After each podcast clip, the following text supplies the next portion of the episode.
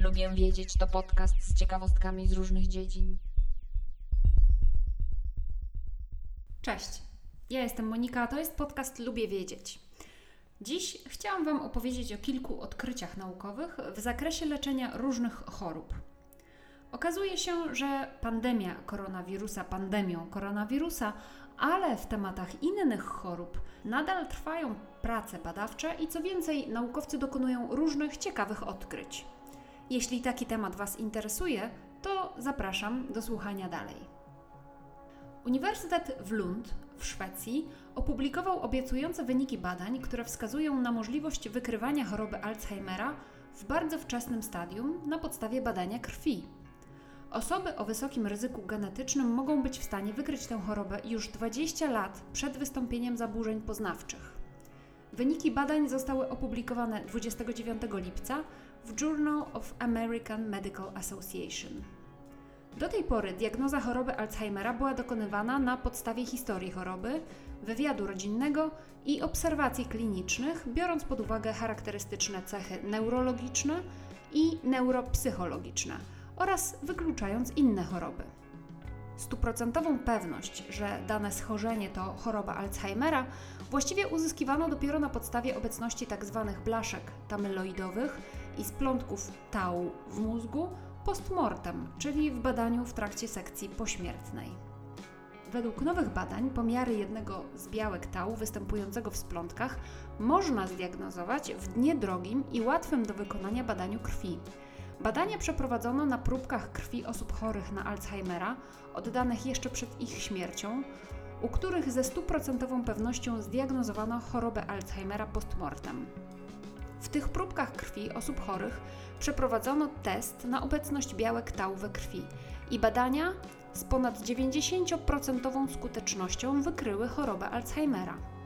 Póki co jeszcze należy zoptymalizować analizę, a także wykonać testy na większej ilości osób, ale te wyniki są bardzo, ale to bardzo optymistyczne. Wczesne wykrycie choroby Alzheimera pozwoli na zastosowanie leków spowalniających przebieg choroby. Następny temat to kolejna choroba dokuczająca ludziom i kolejne obiecujące wyniki badań. Chodzi o boreliozę i opracowywaną szczepionkę przeciw tej chorobie. Czym w ogóle jest borelioza? Jest to potencjalnie groźba choroba wieloukładowa. Wieloukładowa to oznacza, że atakuje wiele układów, to znaczy na przykład układ krążenia czy układ nerwowy. I ta choroba wywoływana jest przez bakterie z rodzaju krętków przenoszone głównie przez kleszcze. Badania wykazują, że około 25% kleszczy przenosi boreliozę i może zarazić ukąszonego człowieka. Choroba jest niełatwa do wykrycia, ponieważ objawy są bardzo różne i mogą udawać inne choroby, a jej przebieg jest często powolny. Niestety borelioza może w bardzo groźny sposób spowodować zapalenia stawów, nerwów czy mięśnia sercowego. Obecnie trwają badania nad szczepionką tylko w jednym ośrodku naukowym, we francuskiej firmie biotechnologicznej Valneva i są już na dość wysokim stopniu zaawansowania, to jest etap testów na ludziach. Badanie przeprowadzono na 570 zdrowych osobach w Stanach i w Europie. Część badanych otrzymała prawdziwą szczepionkę, a druga część placebo. Osoby, które otrzymały prawdziwy zastrzyk, wytworzyły przeciwciała przeciwko sześciu najczęściej występujących serotypów białka przenoszących boreliozę. Badania należy jeszcze kontynuować. Proces produkcji szczepionki i wprowadzania jej na rynek jest pracochłonny i długotrwały, więc minie pewnie jeszcze kilka lat, zanim będziemy mogli ją kupić. Kolejne ciekawe wyniki badań opublikował międzynarodowy zespół badaczy zrzeszonych w organizacji Louisiana Cancer Research Center. W badaniach brała udział polska badaczka, doktor habilitowana Maja Grabacka z Wydziału Technologii Żywności Uniwersytetu Rolniczego.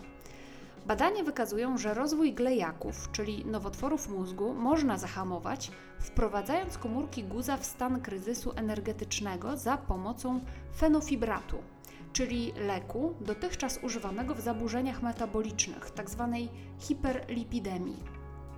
Zespół naukowców opracował sposób wytwarzania biodegradowalnych matryc, które są nośnikiem fenofibratu i można je umieszczać w miejscu po resekcji, po wycięciu guza.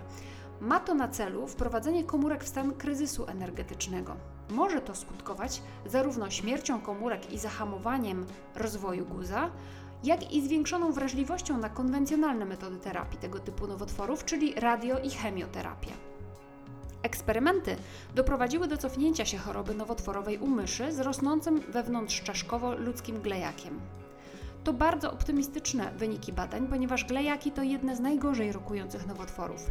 Z analiz dr Grabackiej wynika, że na glejaka i nowotwory mózgu rocznie zapada prawie 3000 osób w Polsce. Mimo postępu w dziedzinie badań nad etiologią, patogenezą i diagnostyką tego nowotworu, średni czas przeżycia pacjentów ze zdiagnozowanym glejakiem wynosi tylko około 12 miesięcy. Także trzymajmy kciuki za dalsze etapy tego badania, jak i wszystkich pozostałych. A ja dziękuję za wysłuchanie tego odcinka. Zachęcam Was do zajrzenia do notatek tego odcinka, bo tam są linki do źródeł informacji. Możecie także polubić fanpage podcastu na Facebooku lub na Instagramie. W obu miejscach szukajcie mnie pod hasłem Lubię Wiedzieć. Tam zamieszczam dodatkowe nowinki. Zapraszam też na mój drugi podcast Fiszkowa Kartoteka, w którym mówię o książkach. Do usłyszenia, cześć!